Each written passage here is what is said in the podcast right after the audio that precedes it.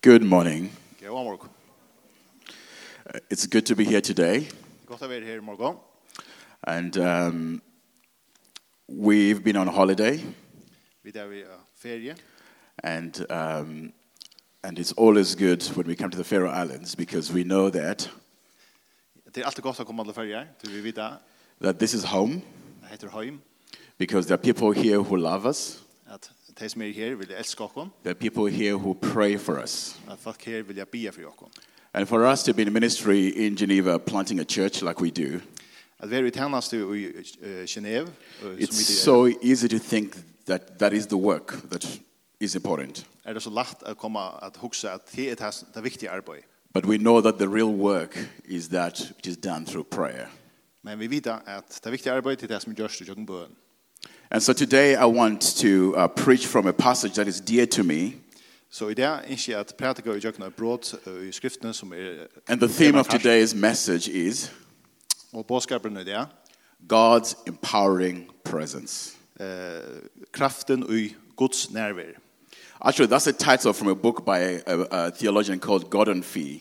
Det er är faktiskt boka höjtie tja en boka tja uh, what's his name? Gordon Fee. Gordon F E. Gordon Fee. Ja. Akkurat. And, um, but it's a title that I think that really envelopes or covers what the Christian life should be all about. Men er det är höjte ett ett år som välja uppsummerar det här som det kristna livet snurrar sig om. If you look in the book of Acts, Visst du hickar ju apostelsönerna. throughout, if you just look from chapter 1 to the end of the book of Acts, Från kapitel 8 till ändan. And you read story after story after story after story. Så läser man söver efter söver efter söver. And you do an analysis of the book of Acts. Och då gröna bokarna apostelsönerna. One of the things that will be so clear for you when you do that Så över allt som är helt grejt för det att görs det. is that each and every activity you see in the book of Acts is empowered by God's Spirit. Först einstak verksamhet som är i bokarna är uppblåst er av god av Guds anda. Because Acts is the beginning of the church, Apostelsönerna är början till samkomna. it's the disciples beginning to take over from Jesus' ministry to do the things that he claimed that can be done. Så det är början den här lärsvannen ivetaka från Jesus och göra det här som i värsta som han And, and, påstår. and those who are clever than me say that 98% of the book of Acts is just the presence of God at work through his people. Så det som er är klokare än det, det säger att, att uh, 95% av det som är i apostelsönen, det är om hur hela anden virkar i jorden. faktiskt. One of the very scary uh, point for me to even grasp as a church planter Så ett av de som- de- de ting som verkligen ska vara ökta sig mer er som samkom och stånare, because my wife and I and our kids are planting a church in the city of Geneva. så kommer man nu är och bötnet vid stånare när nudja samkommer. And by the grace of God, we are now in our fourth year. Och i några god så är vi det fjorda året här. But one of the most scary things is to think about how much of our activity is because and only because of the power of the Holy Spirit. Så ta er det virkelig, det skapte økta som er at hugsa om hvordan større parster, hvordan nekv er tenkt er at, at andre gods skal virke i jøkken. Because I think it is possible to have a church and have a Christian presence Jeg hugsa at det ble vel til at hava en samkomme, hava uh, kristna aktivitet, and very little of it to be powered by God's presence. og framvis lydig vera uiblåst av herrens uh, anda. So the question for us today and for you and for me, Så spurningen for det og for meg, it's a clarifying question. så det er en avklarande spurninger, How much of your activity hvordan nekva tunn virksomme. I'm not talking about Sunday church. I'm talking your life as a Christian is empowered by God's presence. Så jeg tar seg ikke om det du erst av møte, men tunn virksomme og hele tidsje er i kraft høylig andans. Is it possible that you're trying to live the Christian life out of your own resources? Kan det huksast at du røyner at liva uh, ta kristna løyvi ut i den ekne styrkje? And one of Jesus' promises to his disciples is this Og etter av lyfton jesar til lærersvennene ver hetta. It is better for you for me to go Det er bedre for tikkun at jeg færre. because I am going to come and I'm going to send to you my spirit, Du er færre og jeg færre senda tikkun mun anda. and you will do greater things than these you've already seen. Så så is at tig kunne gjøre større ting enn tid heva seg. Min, My problem is I don't believe Jesus, really, to be honest. uh, min trobladje er tryggkjørt på Jesus. What can be better than Jesus being in this room? Hvordan kan det være bedre enn at Jesus var til stier her? No, I know you've asked me to preach, but what can be better than Jesus preaching in this room? Jeg vet ikke at jeg med pratiker i det, men, men hva kunne være bedre enn at Jesus pratiker her i det? But yet, that is Jesus' promise to us Men det er Jesus som lyftet til dere. that it is better for him to go because he will send us his spirit. Det er bedre for tikkun at det er færre, til jeg får sende Høylig Ande. For through the power of the presence of God among us, he will do great things. Så i jøkken kraft, nær, uh, Guds, uh, i jøkken kraft, Guds nærvær, for han gjør større ting i jøkken nok. I want to share with you a story about a riot. Så jeg tror at Lothar er søv om en, om en opprøster for tikkun. This is a riot that happened about 2,000 years ago. Det er en opprøster som hendte for 2000 år siden, And it's a riot that happened because of the church. og det er en opprøster som hendte på grunn av samkomne eller kyrkene. And so I'm going to do a Quentin Tarantino kind of thing, like the movie uh, Quentin Tarantino. Så if jeg gjør en sånn Quentin Tarantino, det er en fi- kjent filminstruktør for tikkun. I love his movies. They always twisting your head a little bit, don't Ja, they? öll- ristet nu hade man. Han älskar, Salma älskar filmen. So what I'm going to do, I'm going to go at the end, Så det som, det som Quentin Tarantino også gjør, er ferdig til endan, and we're going to read about the riot that happened in Ephesus. så vi får hente om opprøsteren, eller lese om opprøsteren som hendte i Efesos. And then we're going to go back, like Quentin Tarantino, at the back, så lukket som Quentin Tarantino, så bakker vi det etter hva var det nå som hendte her. and answer the question, why the riot? Og What happened svære that caused the spørsmål, riot? Hva var det som hendte for at, at opprøsteren skulle hente? So turn to us in scripture. Ja, jeg skal lese. Apostelsøn Nujjan, and verse. He said from 20, um, 23. Ja. Eh, and on to Just go to 28. Ok. Om hesa tøyna var ikkje lydelig gøla om vegin. Her var silversmyr og i at Demetrius, så det er apostelsson Nujjan, eh, 23, 24. Ehm, han gjør det Artemis tempel av silvere, og vakte smien hon ikkje lytla inntøk. Han kallar en uttar skjermann som løs arbeidsmennar ui fingust vi slukt og sier, Tid menn, til vita at av hesen arbeid har vi ståra inntøk av okkara. Og nu sutja og høyra tid er at ikkje best i Efesus, men nastan om alt Asia hever hesen Paulus, eh, vi ivet helan søgne vittlagt stauran håp, og vi til at han sier at det er ikkje godar tar vi gjør det er vi hånden. Nu er ikkje best vante fyrir at hette ikkje okkara skal være vannvist, men òsne at tempel hina store godinn og arstemissar skal være hildi fyrir ønskje, og at endi skal være gjørdur av størleik hennara som alt Asia og gjerrar ikkje dyrskar. Ta torr hör du hetta. Var det fotler av røy og røpte. Stor er Artemis Efesos manna. So I want to just give you three points. Så if jeg gjør noen tre poeng, eller, And I påskapet, want to answer the question, why the riot? Så grunnleggjande for jeg sverre på spørningen hvor hendte jeg som opprøst. But first of all, I want to tell you a bit about Ephesus. Men først for jeg fortelle noen syndrom um Efesos. I love Ephesus because it reminds me a little bit of our city, the city of Geneva. Eh, jeg er ikke i Efesos, til jeg minner meg syndrom om Geneva her som bygva. Because the city of Geneva is only uh, just half a million people in the main city. Så Geneva, her er bygva alle i halv million folk i byen. And around Geneva, 50 kilometers around Geneva, it's about a million point two people. Så uh, halvannan kilometer rundt han om eh, Geneva, her byg- bygva halvannan million folk. So in all aspects, I mean, it is a big city, but a small city. Så det er en stor byer, men allugavel en lille byer. It kind of gives a punch because it is the center of diplomacy, Så det er det er et kraftsenter tror jeg det er her som alle er sendige herrene the samlas. center of trading and banking. Det er her som bankar, futjarheimene samlas og og It's got a variety of people, over a 100 nationalities live in Geneva. her er flere hundra nation eller ikke flere hundra men iver hundra nasjonaliteter. 43% of the city is out of Geneva, they're not from Switzerland. Så 40% av eh, de utbyggene her er ikke ui, ur Sveis. It is not the capital of Switzerland, but it is actually a powerful city, Det er ikke høvstaven i, i Sveis, men det er faktisk en rettelig sterske byer i just Sveis. like Ephesus. Akkurat som Efesos. Because Ephesus was not the capital, Rome was. Efesos var ikke høvstaven, Rom var. Rome was the political capital, Så Rom var den politiske høvstaven, but, Geneva, but, but uh, Ephesus was the trading capital, men Efesos var handelsmiddelen. was a diverse city Eh, det var han han rykt with many different languages and cultures. vi neck från uh, fjällbrötton mentan och och malon. It was a very spiritual city, Ja, eller antal i bojer. just like any other good city in Europe. So- people are spiritual, but not Christian, but spiritual. Så ans i öll nörren bojen i Europa så er nekk folk andalig. Ikke kristen, men andalig. So I know Toshan. I don't know it very well, but I know Toshan. Jeg kjenner Torshavn, ikke særlig vel, men jeg kjenner Torshavn. It is the capital, Det er høvstavren, but still a small city. men en liten bojer.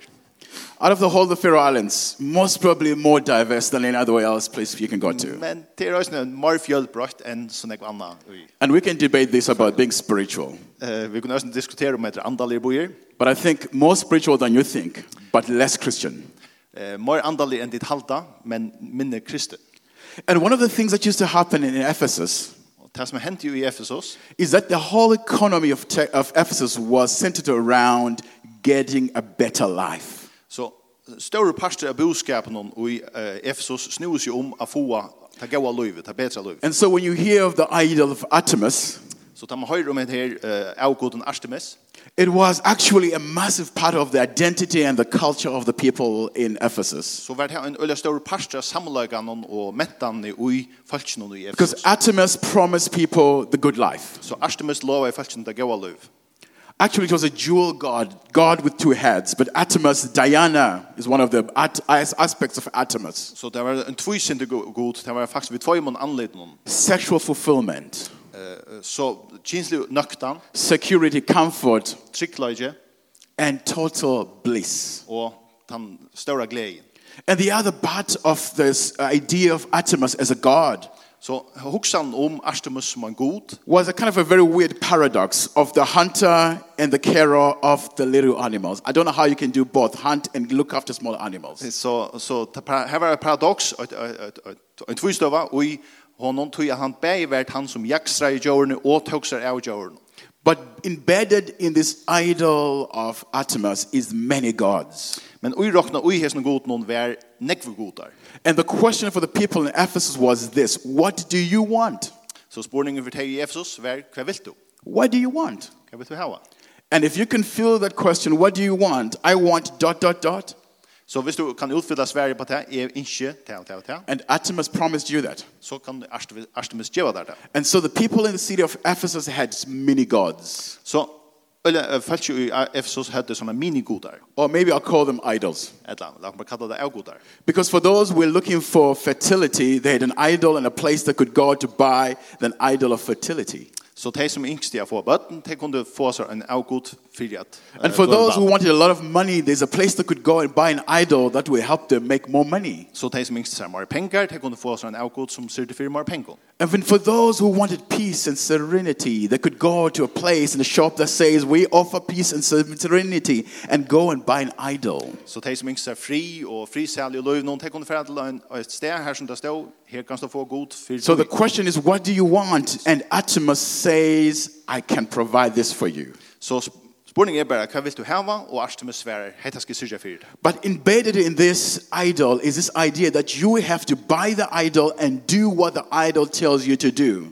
Men ui hesen er, er ui rokna at ta du kjeiber avgoden som også sin gjera som avgoden sier. So in our culture, it would be something like 10 ways to live the most fulfilling life. Så i okra mentan er det jo tutsi uh, sti til å få et ta, ta 10 lukkelig ways løyve. on how to have a baby. Tutsi sti til å få et godt lukkelig bad. And I think I know what number one is on that list. Så jeg var ikke nummer 8 er yes. But that's the idea that you go to a God for what you need and buy the God and do the requirement So of the do- God for you to refu- get what you need, Så what du you først, want. du først til dette stedet, du kjeiber henne goden, og du, så først du også oppskriften på det som du skal gjøre for å få nøkta. And we know that in, in Ephesus, this was a successful business because it was thriving. Hette var en, en øyelig gode vinnevever i Efsos, tog jeg kjente nekva penger. And what tends to happen with this kind of self help kind of approach to God Så het her slægi av sjálv hjálpar attityde til god. If you have done the 10 things that the God of fertility has asked you to do and you still don't have the child, Så hvis du ikke eh, hvis du gjørst hese tutjestine som du skal gjøre for å få bøtt, what men du comes to stadig your ikke mind? finner bøtt, What comes to your mind? Did I Question. do it correctly? ja, hva kommer til tøyen? Gjør det da noe rett, at stine, Was it enough? var det nok? Do I need to try harder? Skal jeg gjøre det bedre? And there lies the lie of Artemis. Og her og ligger liknen fra Arst- fra Artemis. Always seeking, never fulfilled. alltid at søkja og røyna, men ongar du at få nøkta. You go to any bookshop today, Du først til ein kvann bokhandel i det, you go to any uh, very interesting or well subscribed blogs. eller øyla avhåverda bloggar, The dominating feature of those two det som fyller bæg bokhandelen og bloggen om, is the promise to the quick, easy life to lyfte fulfillment. om et kjøtt um og godt gåan ved til det gåa liv. Artemis was a good marketer. Artemis var dodde vel marsnaføring. So let's go back, chapter 1. Så la dere We saw komme ve- sorry, verse 1. til ørende og øyt. What do we see happening in that verse? Så hva så gjør vi det her? Mian, uh, just Yeah, go for it. Yeah. Just the ver- verse Yeah, one? just go verse 1 to 7, actually, if Okay. you can do that. Yeah. No problem. Men Apollos var i Korint, kom Paulus til Efesos, etter at han hei ferast om hinner over landsparstan. Her hitte jeg nægra lærersvunner, og han sier, Viktor, finge ditt høylig andan, ta det kom til trygg. Tar sværa hon, vi tar ikke mykje om hørst at høylig andan er. Han sier, hver en døpe var det ta døpte vi. Tar sværa, vi døpe Johannes her. Da sier Paulus, Johannes døpte vi omvendingardøp, ta i han sier vi falskje at jeg skulle trygge av han som etter han kom, det er Jesus. Da det hørte hetta låte der seg døypa til navn Herrens Jesar. Og da Paulus lei hendene av tar, kom høyla anden i tar, og tar tala av vid tunken og profetera av. Tar våre i alt om tølv um menn. And what we see here is the disciples encountering Paul and having conversation with Paul. Så her eh, sier vi når lærersvenner møter Paulus. As Paul makes his way into uh, Ephesus, Så Paulus kommer inn i Efesos, he asks them a question about their baptisms. så spyr um han om døptara. This response is John's baptism. Ja, Johannes er døp. But what we see happen is this he prays and lays hands on them, and they are filled with the Holy Spirit. Men vi sier så at han bier fyrtamon og legger hånda av deg og det blir fyllt av høyla andan. I know I'm halfway through my sermon, but here's point number one. Så er kom jøkken helten av talen nå, og her er punkt, punkt nummer 8. The disciples were filled with the Holy Spirit. Bådskap nummer 8 er at uh, lærersønnen var filter av Heilige Andan. Why did the riot happen? Så kvi uh, finner vi denne opprøsteren i Efesos, It's because the disciples were filled with the Holy Spirit. tog at lærersønnen var filter av Heilige Andan. Here's the thing, friends. Så, så, så er det vinner. You, you can never come to Christ by your own effort. Du kan omgå at du kommer til Kristus ut i dine egne styrk. You can never think your way into Christ. Du kan omgå at du huksa til en vei um til Kristus. I always say this to people in Geneva who are very educated, and I always say this to them. Jeg sier alltid vi tar i Genève, så det er øyelig vel utbyggven. If somebody can have a good argument with you to bring you to faith, Hvis jeg omgå kan få- gjøre en øyelig gøy samføring uh, i fyrt her og få det til trygg, someone else can have a good argument for you to move out of faith. så kan omkring annar komme med en ønskjøver samføring for å få det ur. Because it's not about the argument, it is the Spirit of God that draws us in. Det snur seg ikke om samføring, det snur seg om andans You kraft. come to faith because the Spirit is bidding you come home. Du kommer til trygg, du er at heilig anden bjøver her. You're a Kom. Christian not because of any other reason, but only because the Spirit of God has made it possible for you to recognize the glorious beauty of the work of the finished work of Christ on the cross. Så du er kristen øynast tog at heilig anden har samførst deg om, og finnes det suttja uh, styrsna og, og dårdna i Kristus. And the disciples had that experience of their lives being filled with Christ Og det opplevde lærersvennene her, at blå Because- oppfyllt av heilig anden, because of the work of the Spirit. på grunn av versk heilig andans. And yet Paul prays for them to receive the gift of the Spirit of God. Og Paulus bier for dem at de skulle få kraft heilig andans. So that tells me that they needed to receive the Spirit. Det sier meg så mye som at det ikke er det tidlig imot. I need to receive the Spirit of God each and every day. Og jeg har brug for at jeg kommer imot det heilig andan. For me to walk through the door out of my house every day and live the Christian life in the real world, I need to receive the Spirit of God. För jag för ut tjöken mina dyr kvönda och livet mot gerans liv har jag bruk för att ta emot det It is höll. possible to have God's presence in us unactivated. Det ber till att ha Guds eh, nerver i ökon men inte virkna. It's possible for you to have assurance of your salvation and yet you don't have the power of living that life in the real world. Det ber till att ha vissena om trygg om frälse men inte ha styrkna och krafterna till att leva. And Paul, Apostles. time and time again, he's talking. If you look at these passages, time and time again in the scriptures, talking to Christians, he tells them that may you know Christ and his power in the depth of your being. Så Paulus han sier dette atter og atter og atter.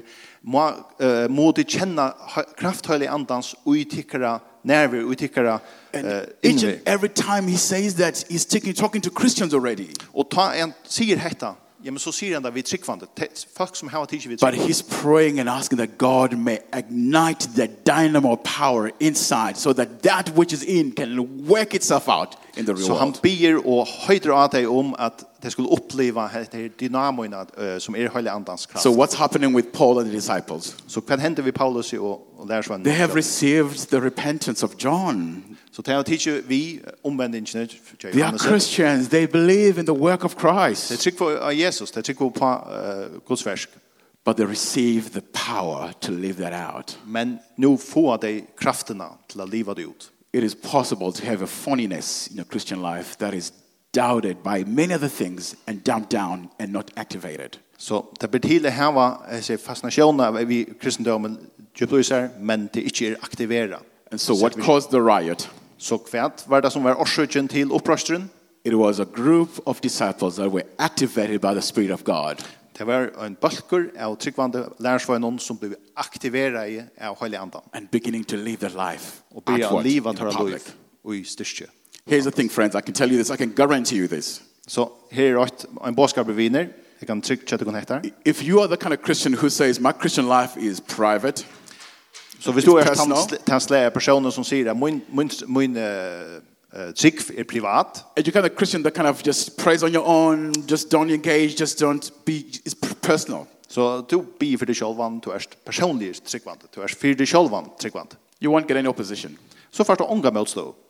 But if you're the kind of Christian that realizes that your faith in Christ is personal, but your living out of Christ is, is not private, it is for the good of the world. Så hvis du er hinveien er samfunnet om, ja, min trygg er personlig, det er min egna personlige samføring, men i livet, han er ut i livet nå. And you step out of your door, Og du ferdig utjøkken horna, you will find opposition. så først du møter, møter motstå. That's what happens here. Det er det som hender her. Because those Christians who were activated by the power of the Spirit of God began to go publicly out. Så hese her er tryggvande, som nå blir visjen av Høylig Andan, det får allment ut. And where did they go to? They went to the synagogue. Så hver for det, det er for til synagogene. They came to church, Det er for i kyrkje. like most of us have done today. Så lukket som vi det ferne det. And Paul and his disciples began to preach no other news but the gospel. Så Paulus og lærersvennerne tar for, for å prædika, ikke noe nytt, men det samme. The gospel, the good news that God Himself has come down and entered into the world and changed our Det lives. prædika evangeliet om um at Jesus var kommet nye og, og for å brøyde akkurat That the lov. gift from God that is given to us is something that you and I can never earn, but it's a gift given to us as a free gift. At gavan og i frelsene er en fri gava, en, en avkjøpes gava som vil give noen av The god. good news that Christ died on the cross, and because of the death on the cross, as gruesome as it is, you and I can walk in newness of life.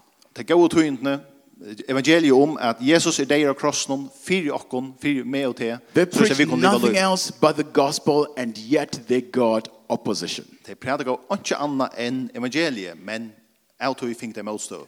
When you step out, Tar du først ut allment, you will be opposed. så vil anstøvan her. er When you step out, Tar du først ut, you will feel the resistance. som mest er motstå.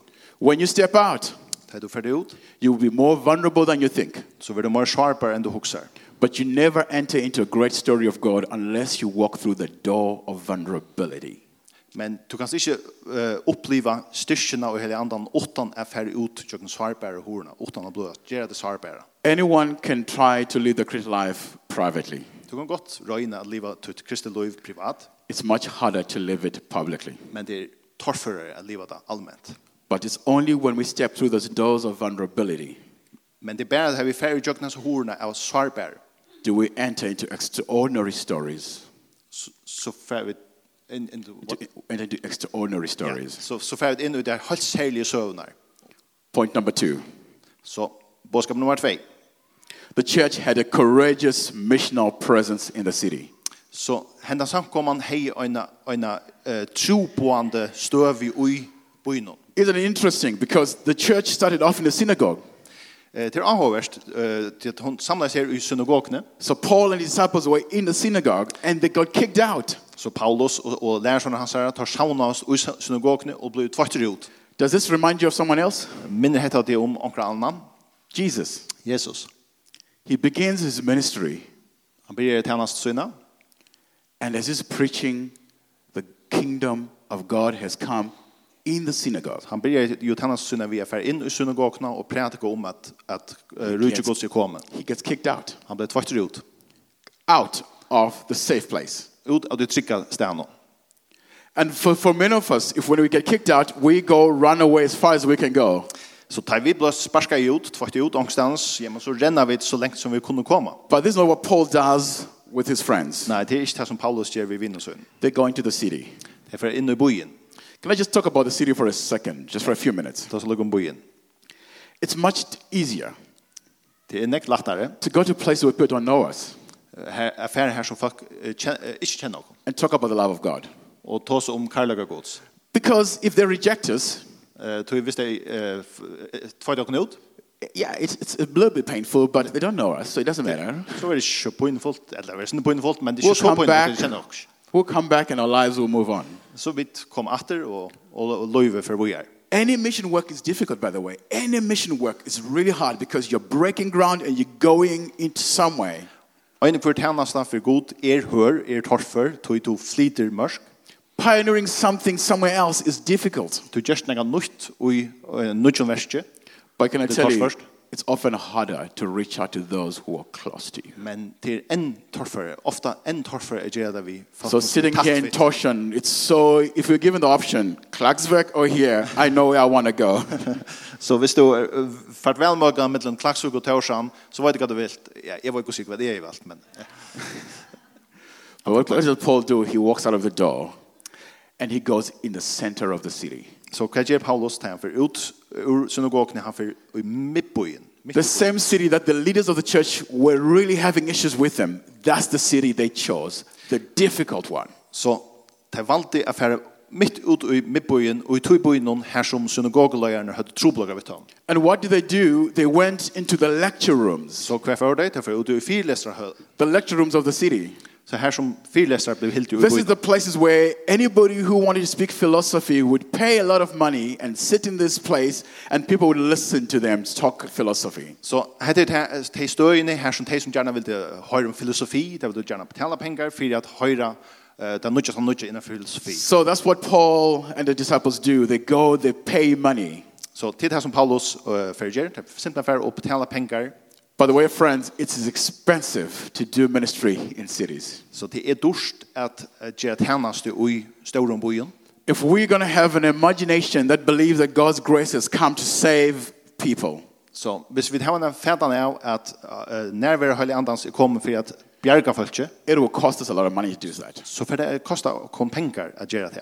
In our case in Geneva, one of the most expensive cities in the world, Ja, uh, så de som er i Genève, her som vi bygger til øynene av den dyreste byen i verden, we rent this room that we use for our church on Sunday for three hours. Så vi leier henne her lukta rommet som vi brukar til samkomna 30 timmar kvar en sondag. just three hours a week. Bara 30 timmar i vikna. We pay 50,000 US dollars a year just for three hours a week. Så vi betalar 30.000 dollars om året för det här. 30 timmar om vikna. It costs a lot of money Det kostar to några do pengar. ministry in the center of a city. Eh, Att göra tjänste mitt i en by. Större by. And we've got many reasons to believe that is why, and that, that is what Paul and disciples did. Out of their own reserves, went into the center. And what did they do? Spoke the gospel. Så det här som vi läser om här händer här att Paulus och vinner han säger att de får in i midbyn och betala för att få möjligheten att predika evangeliet. And you begin to read from, from, uh, from uh, verse 8. If you keep going on, this word comes in the passage. Extraordinary things began to happen. Så hvis du leser videre fra vers 8 og fram etter så, så sørst du etter året at det her hendte ovanlige ting. It's not just miracles, but extraordinary miracles are happening. Ja. Større kraftager enn vanligt. And it, I just want to let you know, friends, that when God is moving, Så tar jeg god, gruber inn og flyter ting, extraordinary things happen. s- og vanlige ting vil jeg hende ta. When it is God on the move, Eh, At her god gruber inn og flyter, no one can stand in the way. Sk- her kan ånden stekke og ånden fåra. And the last point Og the da- church Den sista gives up boskapen. idols. The church gives up its idols. Ja. Så den sista tre boskapen er at samkomman gjever opp sina eh, avgodar. When the Spirit of God comes to the people of God, we live our lives in public, Så ta i andre gods kjemer, og vi byrja liv og liv allment. empowered by the Spirit of God. Vi styrker høyde andans. We enter into the places where God is working right in the mystery, midst of the cities or midst of places of need. Så f- her fer vi inn i støver, og i midt i byen her som god virskar, her som god virskar av støven her som vi ikke så i år. But thirdly, we get rid of idols. Men som det sørste, vi kommer av i avgodene. I really don't have a lot of time to, to, to flash through this, but I will be very, very quick. Jeg har ikke øyga og tog til affæra i jøkken, alle detaljene og jeg som jeg skal gjøre det kjøtt. I was very, very purposeful by using the word the church gets rid of idols. Eh, Jeg var forsiktig ved å skrive her i at samkomman slipper seg av i avgodarsøyner. Because what is an idol? Du, hva er en avgodar?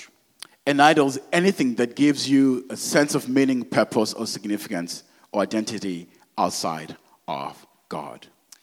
En avgodar er alt kvørst som gjør der samlaga og møyning og i løvnån, men som ikke er god. There are so many idols. Det er jo sånn ekver avgodar. Sometimes the idols come as a political answer. Så onkur du, så, så kommer avgodaren i form av en politisk samføring.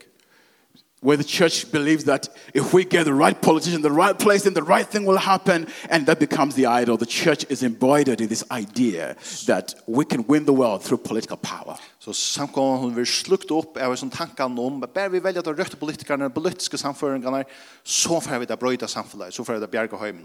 The disciples had nothing else to offer the world but Jesus and Jesus alone. Men lærersvennerne hadde jo ikke annet bjerga heimen enn Jesus og Jesus alene. An idol could be a style of doing Christian work. Det, er- det kan også være en støyler at gjøre hvordan vi tjener. If we do things like this, like this, like this, and then we will impact the world. Bare vi gjør akkurat henda måte, på henda støylen, ja, men så får vi det brøyta heimen. So the strategy becomes the thing that we're fighting for. Så måten vi gjør at hennes noe på, blir det her som vi strujas for. Hette er måten jeg gjør det på. This passage shows us that it is the power of God at work when we proclaim the gospel, the gospel alone. Så brod her viser at det er bare vi at prætika evangeliet eh, og, og andans kraft at vi We don't change the world because of systems. We change the world because of God is actively at work in us. så vi brøyta det ikke vi strategien eller systemen eller matene eller stilen vi brøyta det vi at ha- andans versk But I use the word church because you, as an individual, you are the church. men tid anstaklingar tid er samkomman That you and me are the church. So wherever we go, the church is on the move. jeg og to vi er samkomman så her som vi færa her er samkomman And the problem is that the church, you and me, we have the same idols as the idols of Ephesus, the So- idol of the city. Troblagen vi okkon er at vi har det som i avgodaner som de i Efesos høtt. If only I buy that pair of jeans, then I'll feel better. Så bare løyga fei hans her gode kopperbuksene, så, så blir det alt bedre. The lie of Artemis. Så det er liknende i Artemis. If only I have the cup of coffee in that exclusive coffee shop. Bare jeg feier denne ordentlig lekre kaffemånen og i akkurat hans her kaféen, så, And so så, så feier jeg the lukkene. church and the world, we have the same idols Så samkommene og heimeren vil ha det som i avgodene. of greed, consumerism, Jeg forbruks og, og, og, og bare vil jeg ha mer og mer. self-centeredness. Everything about our culture is about me, myself, and I, and how I feel. Hvordan egoisme og me- er med mer og mer. We can never know the power of God at work until we get rid of idols. Vi kunne ikke mestja når vi holder andans, for vi slipper av vi avgodene. If I work more, Hvis jeg arbeider mer, if I try harder, hvis jeg gjør enda mer, if I, if I, if om I, jeg, om jeg, om jeg. so contra to the gospel. Det er bønt og i ansøkt. We bring the values of the world into the church and we operate out of the value of Atomus. Så vi tar virene i heimen inn i samkomna og arbeid etter virene og And friends, yet the gospel is clear and simple and yet it's confronting as this. Så bådskapen i evangelion er einfalder, men han konfronterer oss. You and me, we are broken and we cannot save ourselves. Jeg og to, vi er bråten, og vi kunne ikke bjerge oss selv. No matter how many books you're going to buy to the How to Live the Christian Life 10.6 or whatever, it's the same self help stuff. It is Atomus. Så oansett hvordan jeg bøker to kjeiper, og blogger leser om, så er seks punkt eller tutsje punkt til at få det lukkelige løyve, til kristne løyve, The gospel comes to us and tells us that actually only when you recognize that you are broken and that you cannot serve yourself. Så påskapen så kommer evangeliet til oss og forteller oss, samfører oss om, det er bare vi at innsøtja at vi er bråten og vi ikke kunne bjerge oss selv. When you recognize that you are poor and broken and here's the key word in need. Eh, Ta du avstanda til at du er bråten, du er fatakker og du er bruk for hans her hjelp. Only then can you receive. Bare ta kan du ta imot. You can't earn it. Du kan ikke tje- for- gjøre det You fortjent. can't buy it. Du kan ikke kjøpe det. It comes to you Det kommer til tøyen. when you recognize your brokenness and your emptiness. Ta du avstander, tøyen fatakkerdom, tøyen tomløk. And simultaneously, at the moment when we recognize we are broken, we are sinful, we are, we are far from God, at this very same moment, we recognize we are loved, we are worth it, and God has done it all for us simultaneously at the same time. Just ut hur löt det här du asanna till att du är fadager, du är tom, du kan inte ut av själven samstundes ver du samförder om karlaga gods och hur han har gjort allt. In a dina city vägar. like Geneva, where people come to try to save the world and trying to come and make a lot of money and try to do do gooders, it can be so dis- disempowering to hear the good news of the gospel. Ja, och i en sån by som Genève er här, det är sån här folk som är ambitiös och skulle göra så rädda näkt ting och få sån här skafte att få henne bådskapen om att du inte kan göra. You can't earn it, friends. Du kan inte få vinna det. It's a gift. Det är en gava. Only given to those who recognize their brokenness, no matter how or long you think you're religiously active. Bära given till dig som asanna att det är bråten, att det inte kunde ut sig själv. And in one hand, humility. Jag hon säger, hur långt det är i er vision till? Det är bara In en the other plats. hand, boldness. Så i de ene hånden er Emil Glasje og hinner er dirve. We receive the gift that is us and for us alone, Teka vi det møte gavene som er for okken, bare for okken, given, given. unearned. Eh, Pura og fra vunnen, og opp på bord. That's the good news. Det er den gode bådskapen. I'm going to finish with a quote from a friend, a guy called John Tyson. Jeg får enda vi en sitat fra John Tyson. He puts it things this way, and, I- and this has become our prayer as well as a leadership in my church. Så dette blir er okkara eh, tema i, i samkomne til okken. We want a theology that cannot be dismissed Så vi ønsker en god frøye som ikke kan avvisast. and a power that cannot be denied. En kraft som ikke kan avnoktast. Because very often we trade one for the other. Så ofta så bryter vi det om. We can have heavy theology in our heads, and yet we're not expressing the power in our lives. Vi har teologin og godfrøyene i høtt noen, men, men opplever ikke kraften av i løpet. Or we can be pursuing for power and action and, and activity where we like the goal is praise and everything, and yet our theology is like empty teens. We don't understand why we believe what we believe. Etla við er øyla virksun og øyla kraftfull i okkara virksemi, men gløyma purasta godfrøyna. og But samfara. imagine a church, imagine individuals and Christians who understand full heads, full hearts, full engagement. Men og med denne samkommet kristen som er, bei, som er samansett av bei fullt i høttenen, fullt i hjertanen og i virksemi. My prayer for you Og det er min bøn for tikkun. that you may know the power of Christ, At de må merkja og oppleva kraft Kristus er. not just in your head, Ikke best i høttenen in your heart, og i hjertan. that He would activate in you At han vil aktivera, se du i versk. the ability to walk by faith. Eginløgan at genga og i trygg. We stop this thing of saying we're going to go on a prayer walk. Wherever you're walking, it should be a prayer walk. Vi må gjeva seg til oss om at vi færdla enn bønargong eh, eller bønargong til. Vi genga Walk alltid i bøn. by faith geng i trygg and ask God to empower you og be god om at gjøre det styrke. so that it may be said, Så det kan være sagt om Look, uh, hikk, just like Christ. akkurat som Kristus, akkurat som Jesus. Let us pray. Det er noen be.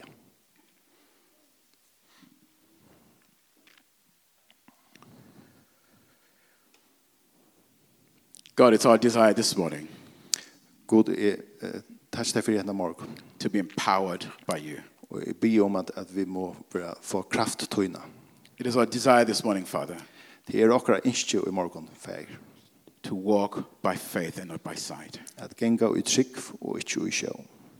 And Lord, I pray for us who are feeling a little bit like we are nowhere near Og jeg be for dere som kjenner dere så, så vi er unga, slett ikke nærhendes. I pray that you give us spiritual imagination to believe what what could be because we said yes to you. At vi kunne få en samføring, at vi kunne få en sjøen, en visjøen, av at vi kunne være i tøyne styrke.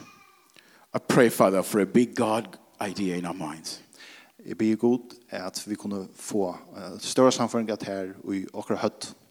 That we offer our prayers by faith At vi sender okra bøn og i trygg, and our worship with awe og okra tilbyan og i eh, samføring, and our service with joy. og okra tjeneste og i glede. And Father, even when we enter through times of suffering, that we can do so with hope, Og tar vi færre jøkken løyengar tøyer, at vi kunne gjøre det i vevn, knowing that we have a big God vidande at vi har en større god, who's about to do far more than we can begin to imagine. som er ferdig å gjøre nekv mer enn vi til høyre kunne uimende dere. We pray all this in the precious name Vi blir alt dette og i døra of bare navn. Jesus Christ. Yes, sir. Amen. Amen. Thank you. Takk for det.